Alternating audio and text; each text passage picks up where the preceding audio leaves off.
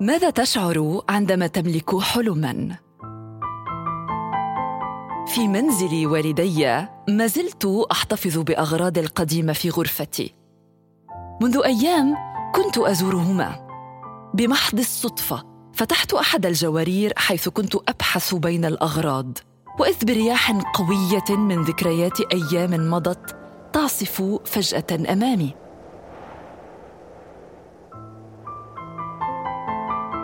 فستانان قديمان. كنت قد احتفظت بهما مذ كنت في الثالثة عشرة من عمري. الأول لبسته في حفل قدمته بمناسبة عيد الجيش في قريتي. والثاني في حفلة صيفية قدمت فيها فنانين. هاتان المناسبتان كانتا أول فرصة لكي أقف أمام جمهور. حرصت على أن أشتري لهما ملابس جميلة وأن أعد نفسي جيداً لأكتب كلاماً عميقاً وأقرأ بأداء واثق وصحيح. لا أذكر متى بدأ كل ذلك. ما أدركه أنني لم أعرف نفسي إلا مع هذا الحلم. القصة تعود إلى الطفولة المبكرة حينما استهواني عالم التلفزيون.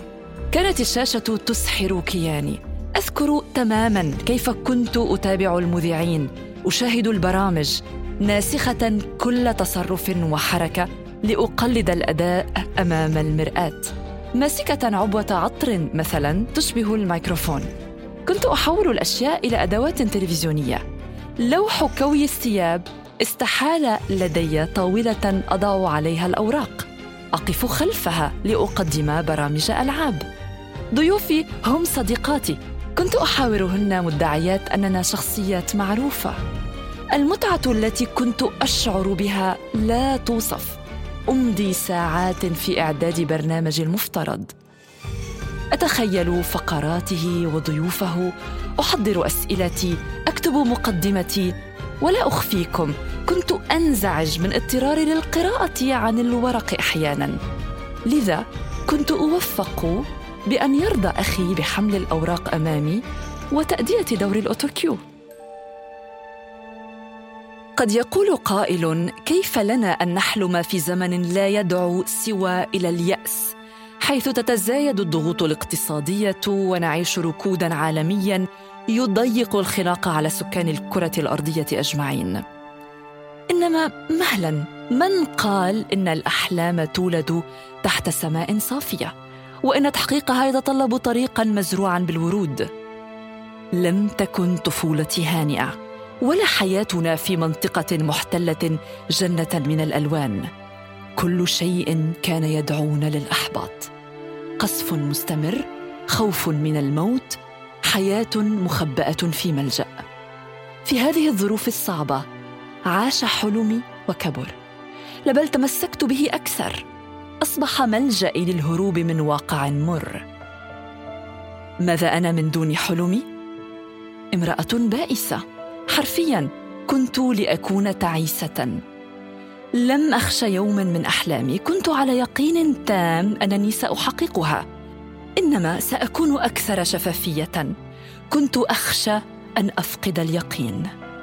سأشرح أكثر. لقد مر حلمي بمراحل متعددة. في الطفولة والمراهقة كنت أتسلح بثقة عمياء. عندما يسألني مثلا أحدهم ماذا أريد أن أكون حين أكبر لم أكن لأفكر مرتين بالإجابة. وعندما يحاول أيضا أحدهم إحباطي كنت أستهزئ به. كنت أجد متعة بالجلوس مع كبار السن. أستمع إلى قصص في السياسة. أحيانا لا أفهمها. انما أتظاهر بفهمها لأعود وأبحث عن تفسيراتها فيما بعد. كان الملجأ من الصواريخ والقصف صومعتي لأقرأ أكثر وأستثمر وقتي في التركيز على الثقافة عوض إضاعة الوقت في مادة الرياضيات مثلا التي لم أكن أحبها. حملت حلمي كطفل أخشى عليه من الضياع من الوقوع من الإهمال. كنت أكثر حرصا في سنوات المراهقة. إلى أن وصلت إلى المرحلة الحاسمة. تخرجت من الجامعة بدأت مرحلة الانتقال من التفكير النظري إلى العمل. لطالما كنت أعرف ما أريد إنما لا أدعي أنني كنت دائما على يقين مما أفعل. هناك توازن نظل نبحث عنه في حياتنا المهنية. نصارع لنبقي على ثباتنا في عالم حافل بالتحديات والمغريات والطرق الملتوية. العمل في الإعلام ليس سجادة حمراء نمشي عليها بثيابنا الجميلة مبتسمين لأضواء الكاميرات.